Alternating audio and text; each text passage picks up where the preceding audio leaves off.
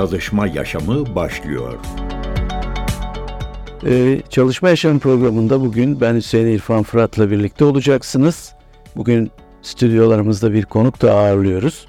Ee, Devrimci İşçi Sendikaları İstanbul Bölge Temsilcisi Sayın Asalettin Arslanoğlu bizlerle birlikte hemen hoş geldiniz diyor. Teşekkür ederim. Hoş bulduk. Sağ olun. Sayın Arslanoğlu sizinle tabii sohbetimizde ağırlıklı olarak 2023 yılının emek cephesi tarafından bir değerlendirmesini birlikte yapacağız. Geçmiş yıllarda sıkça birlikte yaptığımız bir şey bu aynı zamanda. Ama tabii programımızın formatı gereği bizim haberlerimiz var. Çalışma hayatında neler oldu, ne gelişmeler oldu ki e, bu önemli gelişmelerin başında biliyorsunuz geçen hafta asgari ücret açıklandı. Tabii ki tepkiler var. Bunlara birlikte bakacağız. Ben size de e, ara ara top atacağım haberlerle ilgili. Sizin de görüşlerinizi rica edeceğim. Evet, e, tabii asgari ücretin açıklanması e, hem 2024'ün en önemli konularından biriydi. Çünkü sık e, tartışıldı Aralık ayı içerisinde ve e, sonunda e, 2024 yılı e, asgari ücreti e, açıklandı. Tabii beklentiyi çok da karşılamadı. Özellikle e, emek tarafından ciddi tepkiler geldi. Ancak işverenlerimiz bakımından da olumlu bulunan bir asgari ücretle karşı karşıya kaldık. Tabii haberlerimizin hemen başlıklarıyla devam edeceğim. Disk ve Keskin'den asgari ücrete tepki geldi. E, ne tür tepkilerdi bunlar? E, Keskin 2004 yılı için belirlenen asgari ücrete ilişkin e, açıklamasında Asgari ücret tespit komisyonundan çıkan 17.002 liralık karar açlık sınırı olan 18.000 Türk lirasının dahi altında kalmakta. İktidar ve sermaye kesimleri bu kararla birlikte milyonları sefalet koşullarında yaşamaya mahkum etmektedir denildi. Doğru bir tepki. Doğru bir tepki diyorsunuz. Bu arada tabii Devrimci İşçi Sendikaları Genel Başkanı Sayın Arzu Çerkezoğlu da bir açıklama yaptı. Sosyal medyada kendi hesabından yaptığı paylaşımda örneğin milyonlar yoksullukla mücadele ederken bu ülkeye, bu halka, işçi sınıfına yılın başında açlık sınırının altında kalacak bir asgari ücret reva görenler bilsin ki bu burada bitmez dedi Sayın Başkan. Doğru. Evet. Tabii ki e, öncesinde ciddi bir e, faaliyeti vardı devrimci işçi sendikalarının. Sizin de içinde bulunduğunuz pek çok eylemlikler gerçekleşti. Bunların başında tabii e, vergide adalet meselesi ki çalışanların en önemli problemlerinden biri bildiğiniz gibi e, ücretlere uygulanan gelir vergisi tarifesinde ciddi bir adaletsizlik var. Kesinlikle. Bu konuda e, başlarken neler söylemek istersiniz? Ee, tabii e, vergi sistemi bildiğiniz gibi eğer adil bir vergi sistemi yoksa bir ülkede bu e, kaynak aktarımının en önemli yollarından bir tanesi haline geliyor. Yani e, toplumun yarattığı bir ortak değerin e, başka bir sınıfa aktarılması için bir araç haline gelebiliyor. Türkiye'de de maalesef uzun zamandır bu iş böyle devam etmekte. Şöyle ki e, hatırlayalım belki 5 yıl öncesinden daha öncesine gittiğimiz zaman e, vergi dilimi diye bir şeyi e, Türkiye işçi sınıfının çok da gündeminde değildi. Tartışılmazdı. Konuşayım ben.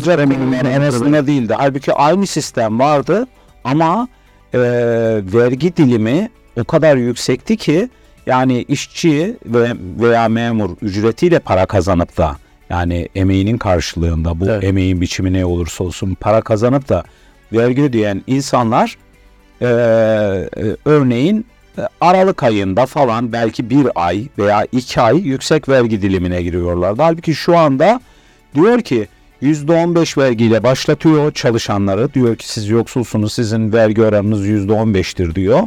Ve e, şu an bile yeni e, gelen zamla bile hesap edildiğine göre Mayıs ayı itibariyle yani 5. ayda 4. ayda en düşük ücret grubundaki işçiler, emekçiler ikinci vergi dilimine yani siz zengin oldunuz artık bundan sonra sizden %20 vergi alacağız vergi dilimine giriveriyorlar ve yılın sonlarına doğru üçüncü vergi dilim, dilimine giriyor. Girerek Yani he, son ücretlerinde net ellerine geçen ücretle daha kaynakta para kesilerek hazineye aktarılarak e, büyük bir kayıp yaşıyorlar. Neye uğradıklarını şaşırıyorlar. Çoğu zaman bunu anlamakta zorlanıyorlar. Anlayamıyorlar. Muhasebeye gidiyorlar. Sendika varsa sendikaya geliyorlar. Ee, ve bunu bir türlü hükümet düzeltmiyor. Halbuki çok basit bir kalem oynatmakla nasıl bu hale getirdilerse yine bir kalem oynatmakla bunu çok rahatlıkla düzeltebilirler. Yani vergi dilimine eskiden olduğu gibi diyelim ki diyebilirler ki emek ücreti işte e, şu anda mesela e, hesaplamalara göre yüzde e, Mayıs ayında yüzde 20'ye girecekler. Basit bir kalem oynatarak bu hesabı düzelterek gerçek e, ücretlerle bunun değerini artırarak rahatlıkla yıl boyunca %15 vergi diliminde kalmasını sağlayan bu bir tercih hükümet açısından. Şimdi tabii burada Sayın Arslanoğlu şöyle de bir mesele var. Biliyorsunuz geçen yıl vergi dışı bırakıldı asgari ücret. Evet. Ancak böylesi bir vergi kaybını hükümet başka yollarla telafi ederek yine e, çalışanların e, ücretlerinden özellikle yani e, asgari ücret artık ortalama bir ücret haline geldiği için ülkemizde e, bir miktar asgari ücretin üzerinde ücret alan çalışanlar bakımından yine aynı tarife Tabii. söz konusu oldu. Kesinlikle. Ee, burada iki tane büyük sıkıntıyla karşı karşıya Türkiye işçi sınıfı, e, emekçiler, çalışanlar. Bir tanesi e, asgari ücretin düşük tutulması, ikincisi de dediğiniz gibi asgari ücretin ha, e, bir bir tanesi de e, toplumun yüzde altmışlık bir kesiminin, çalışanların yüzde altmışlık bir kesiminin asgari ücret ve civarında bir ücret alıyor olması. İkincisi de tam söylediğiniz gibi asgari ücretin azıcık üzerinde alanların e, ikinci, üçüncü vergi dilimine sokularak öbür taraftan e, hazinenin e, kaybettiği kendi deyimleriyle görece e, kendilerine göre tanımlı bu kaybettikleri vergiyi hemen asgari ücretin üzerindeki e, miktarlarda ücret alan insanlardan alıp hazineye tekrar onu doldurup e, teşvik vesaire adı altında e, kendi hakim sınıflarına dağıtıyor olmaları. E, bunları e, halletmeleri için gerçekten de mecliste el kaldırmaları gerekiyor, kalem oynatmaları gerekiyor. Ama işçi sınıfı irade değilse de böyle bir irade oluşmaz. Yani Evet. onların kendiliğinden böyle bir şey yapacağını beklemek romantiklikten başka bir şey değildir. Bu da bir aşk ilişkisi değil maalesef. Evet ne yazık ki.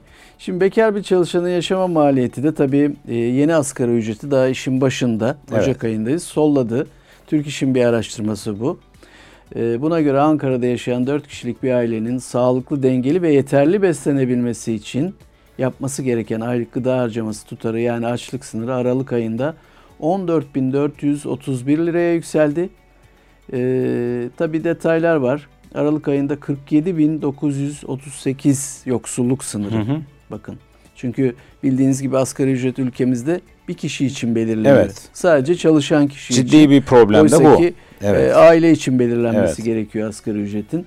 Böylece 2024'te uygulanacak 17.002 liralık yeni asgari ücret bekar bir çalışanın 2023 Aralık ayı yaşama maliyetinin 1794 lira altında kaldı. Evet. Ee, Ee, daha ve böyle zaten başladıysa şöyle başlamadı da. Şimdi bildiğiniz gibi çalışanlar açısından, e, işçiler açısından daha doğrusu, işçiler açısından ücret e, ha- e, çalışıldıktan sonra ele geçen bir şeydir. Tabii ki. Memurlar için peşin alınan bir yani şeydir. Ocak ayında yine Aralık ayı ücretlerini Aynen alacaklar. öyle. Ee, şimdi e, bu yeni asgari ücreti insanlar Şubat ayında alacaklar. Doğru. Yani ocağa çalışacaklar. Ee, çalışıp hak ettikleri ücreti Şubat'ta alacaklar. Da. Şubat ayında göreceğiz bakalım ne olacağını. Neler olacağını. Yani ben hatırlıyorum sizinle daha önce iki yıl önce bu konuyu tartıştığımızda aynı şeyi konuşmuştuk. Doğru. Yani Şubat ayına Gayet gittiğimiz zaman e, aç- e, açlık sınırının da altında kalacaktır bu ücret demiştik ve nitekim Şubat'a geldiğimizde açlık sınırının altında, Altında kaldığını kaldı. görmüştük. Şu anda gittikçe durum daha da kötü bir hale gelmiş vaziyette. Bunun temelinde sizin de söylediğiniz gibi tek kişi için ücretin belirlenmesi. Yani işçi ailesi değil de bir bekar çalışan Çalışanın. için bu ücretin belirleniyor olması büyük çelişkilerden bir tanesi. Halbuki dünya standardı bu konuda Uluslararası Çalışma Örgütü'nün Türkiye tarafından da imzalanmış ama usulüne uygun e, yürürlüğe konulmadığı için uygulanmayan maddesi bunu a, işçi, emekçi ailesi için insan onuruna yaraşır, Yaraşır bir bir ücret, ücret. şeklinde tanımlar. Şu anda Türkiye'deki hiçbir şey ne insan onuru, ne aile, ne bir şey hiçbir kavramı kapsamıyor maalesef. Ne yazık ki. Şimdi tabi bu arada Türk İş hemen asgari ücrete ara zam için çalışmalar yürüttüğünü beyan etti. Yani ilginç bir biçimde geçmiş yılları mutlaka hatırlarsınız hepimiz hatırlıyoruz bu işin içinde olan kişiler olarak. Evet. Zaten enflasyonun yüksek olduğu dönemlerde asgari ücret yılda iki kez ayarlanırdı. Evet. Hükümet e, tekrar aynı uygulamaya döndü. Hı hı. Çünkü buna bir gereklilik doğdu. Doğru. E, ancak bu yılın e, asgari ücreti açıklanırken hatta işte e, Çalışma ve Sosyal Güvenlik Bakanı yaptığı açıklamayı tek asgari ücret yıl boyunca Hı hı. bir tek e, asgari ücretin uygulanacağını beyan etti. Bunun tabi pratikte olması mümkün görünmüyor konuştuğumuz sebepler Evet. yüzünden ama bu arada da Türk İş bir çalışma başlatmış. Hemen bakalım isterseniz habere.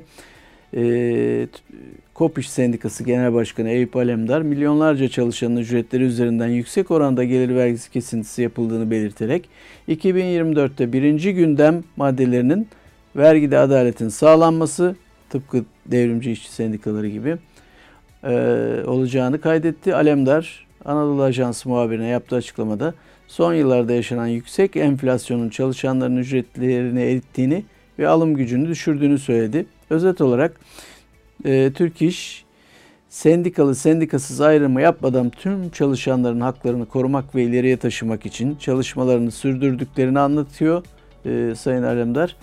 Bu kapsamda 2023'te geçici işçilerin çalışma sürelerinin uzatılması, kamu işçilerinin toplu iş sözleşmesinin imzalanması ve asgari ücrete ara zam yapılmasında aralarında olduğu önemli çalışmalar yürüttüklerinin e, haberini vermiş. Şöyle bir şey.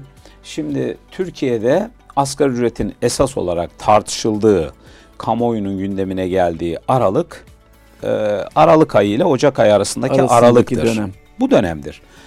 Şimdi gönül ister ki Türkiye'deki bütün sendikacılar, sendikacı kimliği taşıyan herkes bu dönemi önceleyerek bunun öncesinde tıpkı Türkiye Devrimci İşçi Sendikaları Konfederasyonu'nun yaptığı gibi e, Türkiye çapında bir kampanya başlatsa. Bu kampanyayı da basın yayın aracılığıyla değil de e, doğrudan doğruya iş yerlerinde, fabrikalarda, bölgelerde çalışmayı yürüterek yapsalar ve bütün sendikacılar emekçiler için çalıştıklarına göre gönül isterdi ki bütün sendikacıların hiç konfederasyon fark etmeden Türkiye çapında büyük bir kampanyayla bu işi gündeme taşısaydı. Çünkü Eyüp Bey'in de bildiği gibi, hep Türkiye'de herkesin de bildiği gibi asgari ücreti belirleyen kurul belli. 15 kişiden oluşan, Doğru. 5'i devleti temsil eden ki onlar da işveren temsilcisi sayılır. Çünkü devlet de bir Tabii. İşveren. 5'i Türkiye İşverenler Sendikası Konfederasyonu temsil eden yani 10 tanesi işveren tarafından 5 tanesi de işçi sendikalarından olan toplam 15 kişiyle 15. bu tartışılıyor. Bu asimetrik pazarlıkta bu e, adaletli olmayan, simetrik olmayan mücadelede hangi aracı kullanabilir sendikacılar? Birlik, dayanışma, mücadele aracını kullanabilirler. Evet. Bütün dünyada bu iş böyle olur. Burada da böyle olacaktır. Bunu herkes de bilir. Gönül isterdi ki önceden Türk İş, Konuşulsaydı e, Hak İş'e, e, diske çağrı yapsaydı deseydi ki bu Türkiye'deki milyonları ilgilendiren, 7 milyonu ilgilendiren bir konudur. Gelin Türkiye çapında iş yerlerimizden başlayarak kampanyaya çıkalım. Bölgesel mitingler yapalım ve masada o 5 kişinin elini güçlendirecek bir şey yapalım. Yoksa buradan bir şey çıkmaz deseydi. E daha bitmeden şimdi şöyle bir şey e, soruyorlar ne yaptınız diye pazarlıktaki arkadaşlar diyor ki bizim bir şeyden haberimiz yok. Biz rakam telaffuz etmedik. Onlar rakam telaffuz etmedi. Son gün bile aynı şeyi tekrar ettiler. Aynı şeyi canlı yayında söylediler. Nereye gittiğimizi bilmiyoruz. Görevliler gelmiş götürecekler. Bakacağız. Ee, Anavatan Partisi sonra AKP e, genel merkezine gittikleri ortaya çıktı. Şimdi bütün bu karmaşa içerisinde bu biter bitmez bunu zikrettiğin zaman e, kimse bunu dikkate almaz. Gönül isterdi ki bunu bir kampanyaya Geç kalınmış diyorsunuz Çok geç özetle. kalınmış bir şey ve yersizdir yani büyük bir mahcubiyet taşıdığını düşünüyorum. E, buna gerek yok ki yani sendikacının mahcubiyet duymasından ben inanın utanıyorum yani. Anlıyorum. Peki devam edelim haberlerimize Asalettin Bey. Ee, böyle daha da verimli oluyor bence de. Ee, bu arada tabii vatandaşlar ciddi bir e, özellikle sabit gelirli vatandaşlarımız, emeklilerimiz e, yaşam güçlüğü içerisindeler. Çünkü e, bak bankalara olan borçlardan bunu anlıyoruz. CHP Denizli Milletvekili Şeref Arpacı kredi faizlerindeki rekor yükselişe rağmen vatandaşın borcunun katlanarak arttığını söyledi.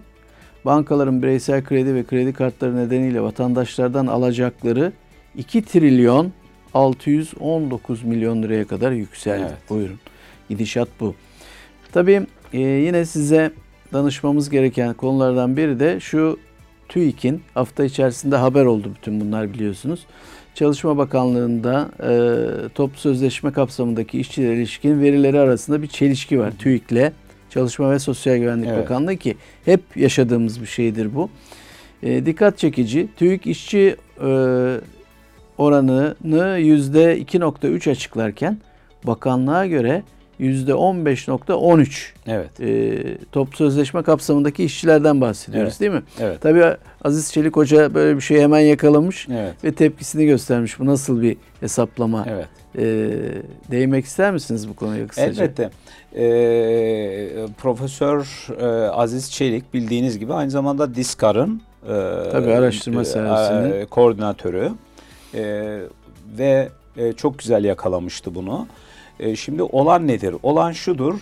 Eğer siz e, gerçekleri söyleme huyu olan rakamlara, rakamlar gerçekleri en köşeli, en net şekliyle ortaya koyacak araçlar, argümanlardır. Siz ona kırbaçla yön gösterir, eğip bükmeye çalışırsanız işte yaşayacağınız sonuç da budur. Sonuçta budur. O tabii. zaman e, TÜİK'in e, açıkladığı verilerle e, bakanlığın açıkladığı veriler arasında yüzde 12'lik 13'lük bir e, muazzam bir e, devasa bir boşluk alanı oluşur ki o alanda herkes konuşur. Ama bu zaten Türkiye için herkes tarafından bilinen ve söylenen bir gerçektir. Hiç kimse Türkiye Cumhuriyeti Devleti'nin kurumlarının açıkladığı rakamlara asla inanmıyor. Bu da çok büyük bir utançtır. Yani bir devlet açısından o devlette görev alan, görev yapan, e, makam mevki işgal edenler açısından gerçekten utanç verici, utanç duyulacak bir şeydir. Yani en net olacak alana, istatistik alanına bile emir veriyorsunuz. Evet. Ee, yani istediğimiz rakamları söyleyin diye. Böyle yaptığınız zaman da işte bu e, karakolda doğru söyler, mahkemede şaşar gibi geldi ve e, burada patladı. Yani bu yüzde 13 bir farktan söz ediliyor. E, bu hiçbir şekilde hiçbir şeyle izah edilemez. O zaman demek ki Türkiye Cumhuriyeti Devleti'nin, devleti yönetenlerin e, her tarafa emir vermeyi, her tarafa parmak sallamayı, benim dediğimi açıklayacaksınız, benim dediğimi yapacaksınız, benim dudaklarımı okuyacaksınız, benim niyetim neyse ona göre tutum alacaksınız demekten bir vazgeçmesi gerekiyor. Ama vazgeçerler mi? Elbette geçmezler. İktidarlarını bu sayede ayakta tutuyorlar. Asıl buradaki çağrım sendikacı kimliği taşıyanlara, işçi sınıfına, emekçilere lütfen örgütlenin artık yeter ya. Yeter yani bu e, bütün bunları yaşamak zorunda değiliz biz bu ülkede. E, örgütlensinler ve e, gerçek duruma müdahale etsinler. etsinler. Peki. Ee, resmi gazetede de yayınlandı. Kamu işçilerine e, ek ödeme tarihleri belli oldu bu Evet. arada. Tabii önemli onlar bakımından. Hı hı. Kamu işçilerine 2024'te yapılacak ek ödeme tarihleri resmi gazetede yayınlandı. Buna göre kamu işçilerine ek ödemelerin ilk yarısı Ocak, ikinci yarısı da Nisan ayında yapılacak. Bu işçilerden maden işletmelerinin münhasıran yeraltı işlerinde çalışanlara ise ek ödemenin tamamı içinde geçtiğimiz Aralık ayında yapıldı bu, bu ödemeler. Karara göre bu kapsamdaki kamu işçilerine 2024'te verilecek ilave hediyenin birinci yarısı 26 Ocak'ta, ikinci yarısı ise 5 Nisan'da hayırlı olsun diyelim kamu çalışanlarına. Tabii e, Asalettin Bey önemli bir problemli kesimde e, sağlıkçılar ne yazık ki. Çünkü ciddi sorunlar yaşıyorlar. Bu arada e, ülkemizi süratle terk ediyor Evet. sağlıkçılar. E, hekim göçü rekor kırdı başlıklı Evet. bir haber vardı. İçinde bulunduğumuz hafta içerisinde. Hekime şiddet ve göç bu yılın en çok konuşulan sağlık sorunlarının başında geldi. Şiddet ve kışkırtılmış sağlık politikaları karşısında yurt dışına çıkma kararı alan hekim sayısı bu yıl itibariyle 3000'i geçti. Bakın hekim yok.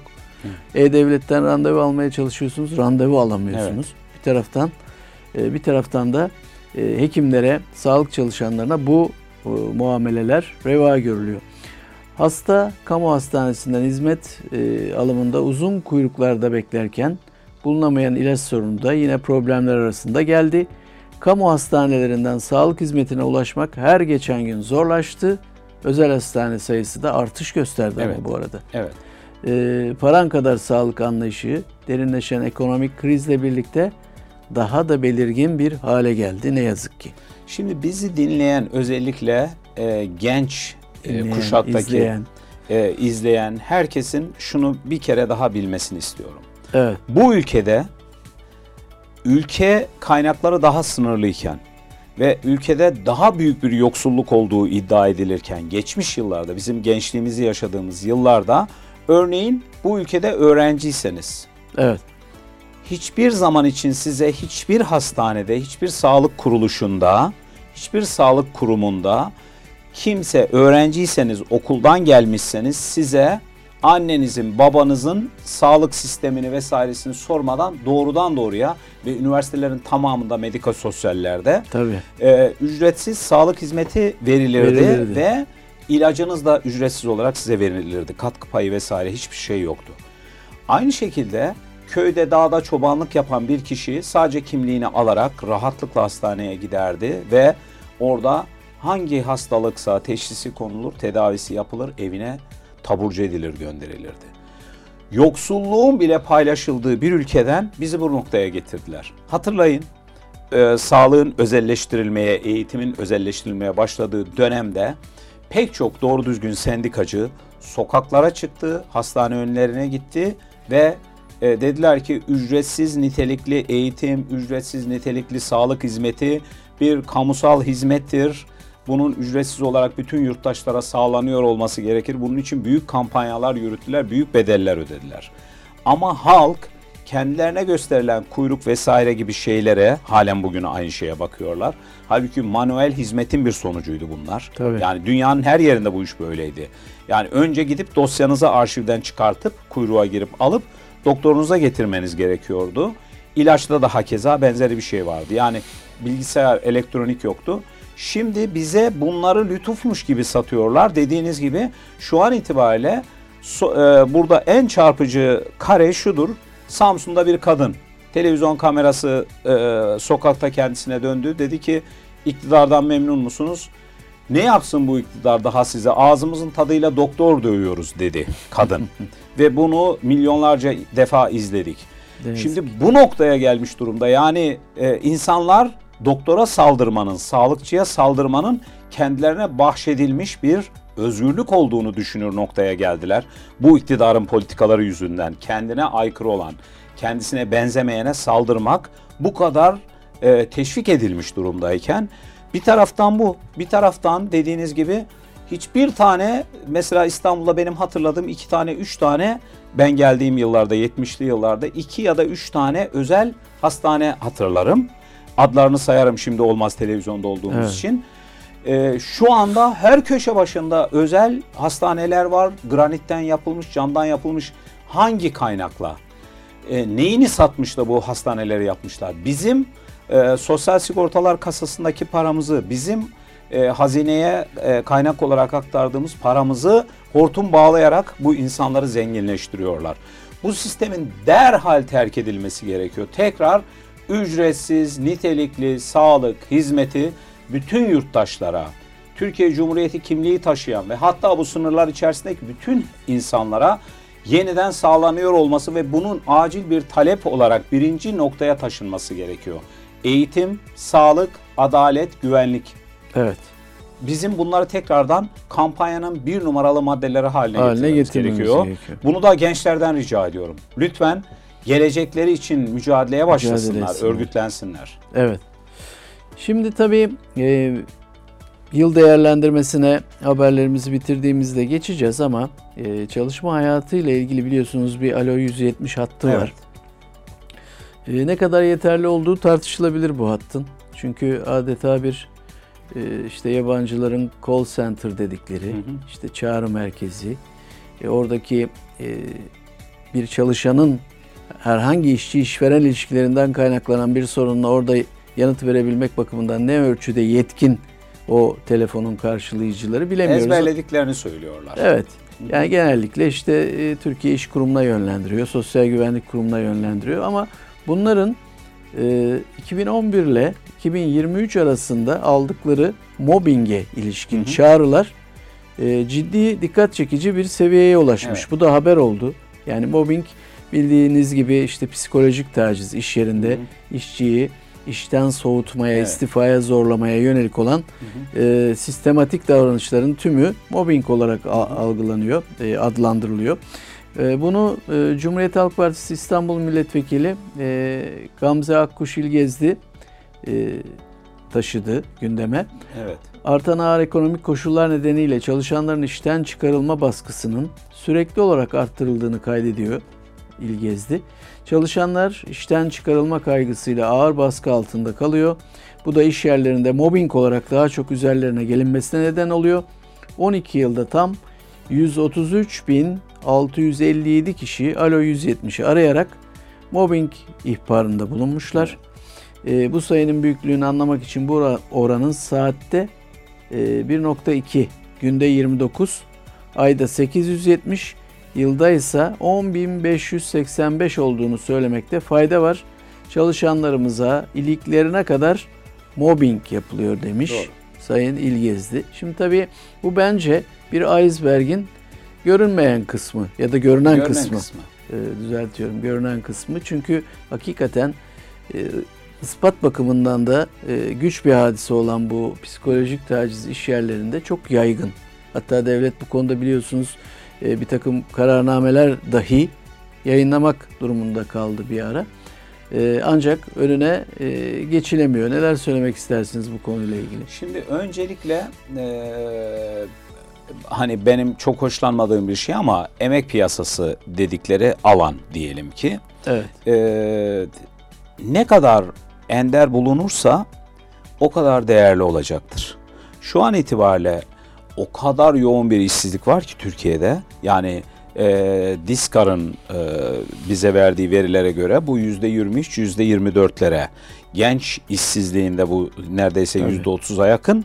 Kadın genç işsizliğinde yüzde 30'un çok üzerinde, yüzde 40'lara yakın oranlara varmış Özellikle durumda. eğitimli kesimin Kesinlikle. Şimdi bu kadar sahada genç, nitelikli işsiz varken içerideki adamın kıdem yapmasını, bir kıdem yükü olarak kendilerine e, yük olarak orada oluşmasını istemeyen kötü niyetli işverenler ve işveren vekilleri maalesef e, mobbingi bir e, Araç yıl- olarak. evet e, işten çıkartılmalarında bir araç olarak kullanmayı tercih ediyorlar. Biz de bunu görüyoruz, müşahede ediyoruz, müdahale ediyoruz. Şimdi öncelikle bir defa e, Türkiye'de Avrupa'da olduğu gibi Avrupa'nın bir parçasıdır Türkiye'de. E, Avrupa'da olduğu gibi acil bana kalırsa bir vardiya kapatarak e, çalışma sürelerinin derhal kısaltılması Kısaltılması. gerekiyor. İki sebeple bir makinalarla yarışmakta olan bu insanların bu kadar uzun süre günde 8 saat 9 saat bir makinayla boğuşuyor adam ve bütün eklem yerlerini mahvediyor.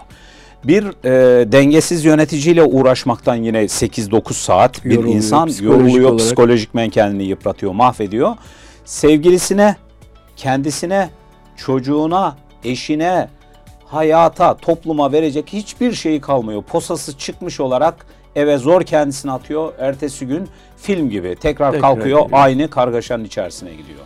O nedenle derhal bir vardiyanın kapatılıp e, işsizlere yer açılması bir taraftan genç işsizlere yer açılması ücret kaybı yaşanmadan derhal bu operasyonun yapılması yapıl gerekiyor bir. İki, ILO 190. ILO 190 sayılı sözleşme, Sözleşme. evet e, diyor ki çok basit iş yerinde e, e, psikolojik şiddette kapsayacak şekilde şiddete karşı çalışanların korunmasını gündeme getiriyor. Çünkü sadece Türkiye'de değil dünyada da Dünyada benzeri da şikayetlerde şey. e, artmış durumda. İLO'nun Türkiye bir üyesidir. Ta Mustafa Kemal'in yaşadığı 32 yılından 1932'den 33'ten beri İLO'nun üyesidir. Uluslararası Çalışma Örgütü Çalışma arada. Örgütü'nün, Birleşmiş Milletler Uluslararası Çalışma Örgütü'nün derhal bu sözleşmenin usulü uygun imzalanıp e, İsveç'in NATO sözleşmesini alelacele getirmesinler meclise. Uluslararası Çalışma Örgütü'nün 190 sayılı sözleşmesini yurttaşı ilgilendiren budur. Tabii. Bunu derhal getirsinler, onasınlar ve üç hukukta yerini alsın. Bu psikolojik taciz ve şiddetin önlenmesiyle ilgili bizim elimizdeki en, en önemli argümanlardan, araçlardan bir tanesidir bu. Derhal bunu e, uygulamaya koyalım ve bu konuda da toplumsal bilinç yaratılsın, eğitim yaratılsın. Bu önemli bir önlem olacaktır konuyla alakalı olarak. Evet. Peki Sayın Aslanoğlu e, haberlerimizin e, sonuna doğru yaklaşıyoruz. E, AKP iktidarı bizim sizinle konuşacağımız ya da konuşmak istediğimiz e, konu da zaten 2023 yılının değerlendirmesiydi. Bu arada Cumhuriyet Halk Partisi Milletvekili Sayın Veli Ağbaba bir açıklama yaptı Evet. ve dedi ki 2023'te emekçiyi yok saydı dedi Hı hı. AKP hükümeti.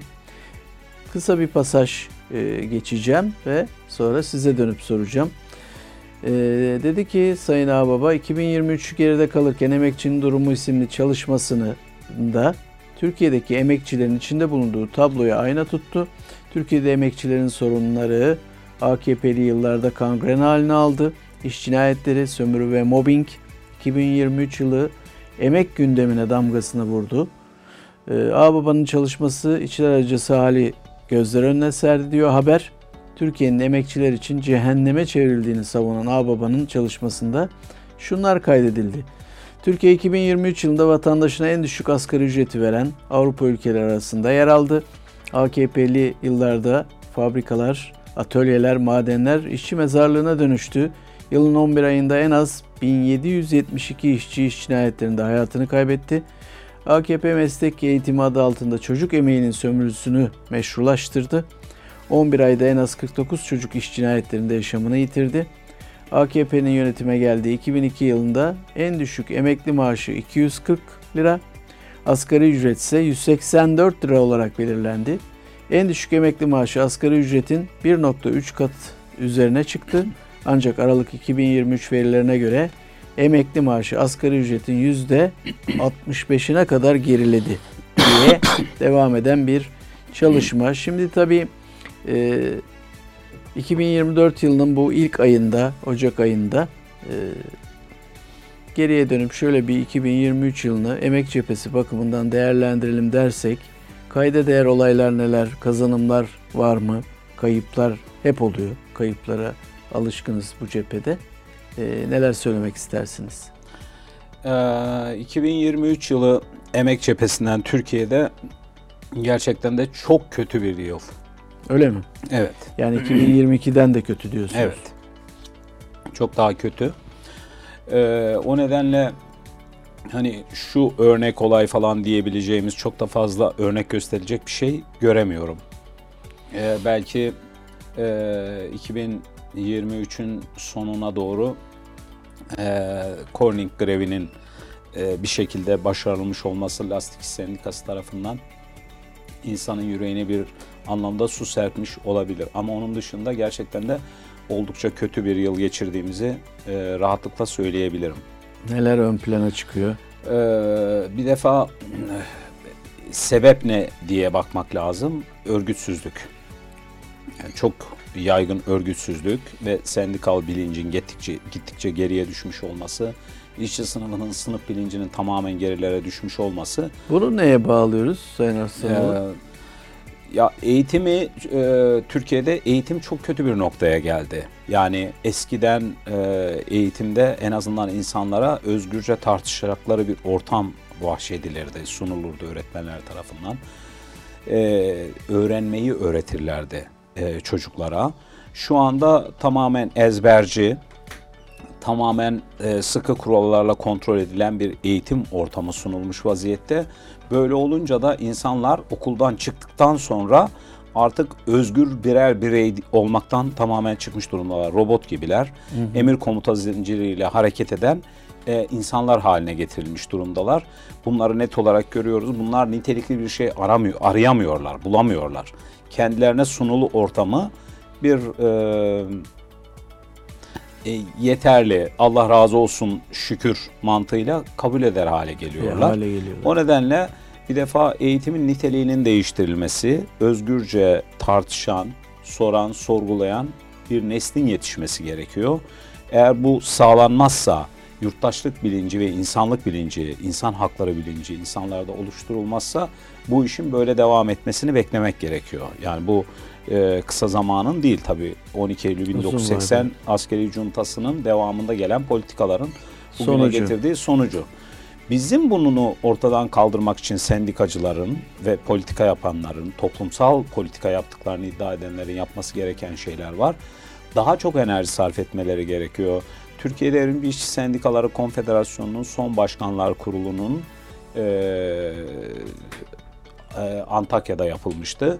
Başkanlar Kurulu'nu takip eden günlerde bütün Türkiye'yi kapsayan kampanyasının toplumun üzerindeki hı hı. E, o e, ölü kül tabakasını nasıl üfleyip ölü toprağını nasıl ortadan kaldırdığını gözlemlersek e, diğer toplumun politik kesimlerinin ve örgütlü kesimlerinin de aynı şeyi yaptığı zaman yani bunu senkronize edilmiş şekilde birlikte yaptığımız zaman çok daha başarılı sonuçlar alabileceğimizi görmemiz gerekir. O nedenle bana kalırsa e, hiç birbirimizi kıskanmadan, hiç birbirimizi e, itmeden, kalkmadan e, beraberce ne yapabiliriz diye e, bir e, çaba sarf etmemiz gerekiyor. Aksi takdirde gidişat budur ve buradan da böyle bir sonuç çıkacaktır.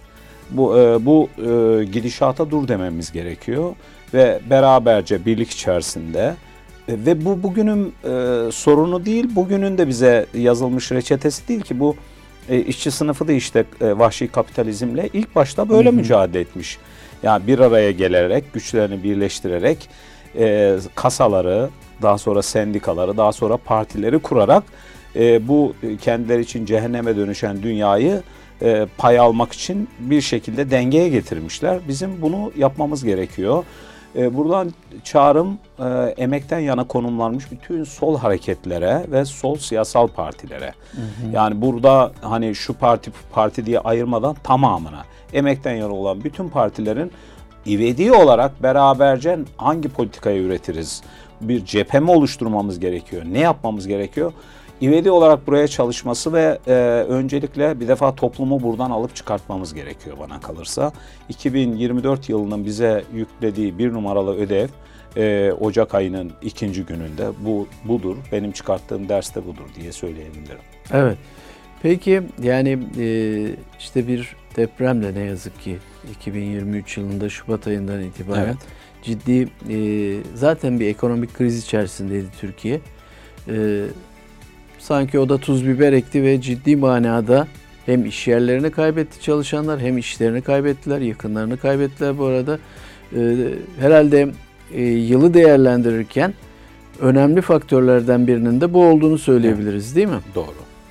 Ee, çok büyük bir coğrafyayı e, muazzam Kapsıyordu. bir evet e, bir bölgenin tamamını bir defa kapsıyor. Coğrafi bölgenin, hı hı. Türkiye coğrafyasının ve e, etki itibariyle de hepimizi etkiledi. Yani hepimizin psikolojisini de dahil her şeyimizi, ekonomimizi vesaire ama psikolojimizi de olumsuz yönde etkiledi. E, burada da e, şimdi bir defa bana kalırsa önce bir defa problemin nereden başlayıp nerede bittiğini tespit etmek ya. Bu tek adamcı rejim var ya. Hani bir kişinin evet. dudaklarına bakarak karar alma. Bu tek adamcı rejim e, şeyde de e, deprem, afet sonrasındaki politikalarda da e, emek politikalarında da, sağlık politikalarında da, eğitim, adalet, iç güvenlik, dış güvenlik bütün politikalarda ülkeyi iflasın altına götürmüştür. İflas, evet. resmen iflas. Bu tek adamcı rejimin ya gerçek hedefi göstermemiz gerekiyor bana kalırsa. Yani bu utangaçlığa, TÜİK'i suçlamaya, bana kalırsa SSK'yı suçlamaya, işte öbür kurumu bu kurumu suçlamaya falan gerek yok.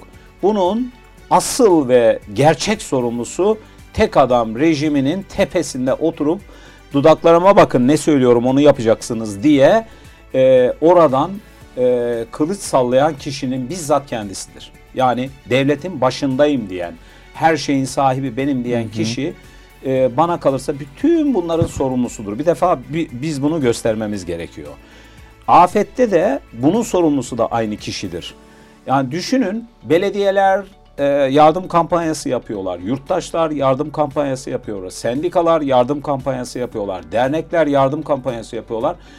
Hemen onların e, yani bunun görünmesi kadar güzel ne olabilir? Örneğin Yunanistan'dan, örneğin Bulgaristan'dan, örneğin İstanbul'dan, Kırklareli'nden, e, örneğin Dersim'den, oradan buradan kamyonların üzerine gururla yazılmış bu dayanışmadır falan yerden geliyor falan dernekten geliyor. Bunların bezlerini indirdiler ya. e, siz AKOM dışında hiçbir yerden e, yardım yapamazsınız. Hiçbir şeye müdahale edemezsiniz. İnsanların yaralılar çıkartılacak çıkartamazsınız. Oradan talimat gelecek dediler. Bu kadar büyük bir saçmalık olabilir mi ya? Aciliyet diye bir şey vardır. Bu kadar büyük bir saçmalık. İşi koordine etmek başka bir şeydir. Müdahale edip insanların ölümünü beklemek, insanların e, orada cesetlerinin kokmasını, çürümesini beklemek başka bir şeydir. Bu rejime son verelim ya. Evet. Yani bunun bütün bunların sorumlusu bir numaralı adamın bizzat kendisidir. Tek adamcı rejimdir. Kim gelirse gelsin. Bunun karşısında bütün demokratlar, bütün aydınlar, bütün yurttaşlar, bütün özgür bireyler, herkes bunun karşısında durması gerekir ve bunu cesaretle söylemesi ve birbirlerine sarılıp birbirlerine sahip çıkmaları gerekir. Eğer bazıları sembolik olarak bugün o da yapılıyor Türkiye'de. Eğer bu rejim tarafından tutup cezalandırılıyorsa onlara da dört elle sarılıp bırakmamamız gerekiyor. Evet. Peki e, tabii genel manada bir değerlendirme yaptınız. Sektörel bazda baktığımızda örneğin siz tekstil Evet. iş koluna çok yakınsınız çünkü aynı zamanda bir tekstil Hı hı. sendikasının başkanısınız. Evet. Bölge temsilciliğinizin dışında. E, 2024 yılı bakımından işte inşaat sektörü olsun, e, hazır giyim, tekstil sektörü olsun, imalat sektörü olsun bunlardaki e, işten çıkarmalar acaba yoğunlaşacak mı? Bu manada beklentileriniz neler? Evet. Burada ciddi sıkıntılar olduğunu biliyoruz. Özellikle sizin iş kolunuzda. Evet. Ee, doğru. Tekstil sektöründe ve e, gördüğüm kadarıyla inşaat sektöründe de e, bir daralma söz konusu.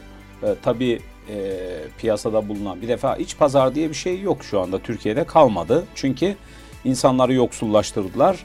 Sermayeyi bir kaynak gibi görerek e, çok küçük toplumun %10'una tekabül eden 8 milyon civarında kişinin banka hesaplarına tıkayı verdiler. Böyle olunca da insanların harcayacak parası yok. Böylece kapitalizm dediğiniz değirmenin çarkları dönmez hale geldi. Çünkü para yok. Para. Para, toplumun %10'unun cebinde. Onlar istedikleri yerde, istedikleri çok lüks ürünlere harcıyorlar bunu. Bir defa bir, bir numaralı problemimiz bu bizim. Ee, iç pazar oluşmuyor. Ee, bunun düzeltilmemesi durumunda bu iç pazarla ilgili çok ciddi bir problem. İş, iş kaybı, istihdam kaybı da dahil. Sadece tekstil değil, bütün sektörlerde bu böyle devam eder. Devam edecek. Bunun düzeltilme, buna alternatif politikalar üretecek yeni iktidarların ortaya çıkması ve cesaretle bunu yapması gerekiyor bana kalırsa. Yani kaynakların dağılımı ile ilgili yani gelir bölüşümü, dağıtımı ile ilgili yeni politikaların oluşması ve bunun uygulanması lazım. Bunun için yeni Ecevit'lere, yeni Erbakanlara ihtiyaç var bana kalırsa. Onlar bu cesur kararları vakti zamanında alabilmişlerdi. Tekrardan bu kararları, dağıtım politikaları ve bu mekanizmaların örgütlenmesi, kooperatiflerin örgütlenmesi, sendikaların örgütlenmesi, pazarlık güçlerini kullanması ile ilgili korkusu olmayacak liderlerin gelmesi lazım. Toplumun örgütlenmesinden korkmayacak liderlerin gelmesi lazım ve bunun gereğini yapması gerekiyor. Ama bir de dışı var bu işin. Yurt dışı var. Türkiye ekonomisi bildiğiniz gibi ithal ekam- ika- ikameci diye klasik olarak tanımlanan yani e, ithal ettiği ara malları e, nihai ürüne dönüştürüp e, dışarıya satan e, basit bir ara ekonomi.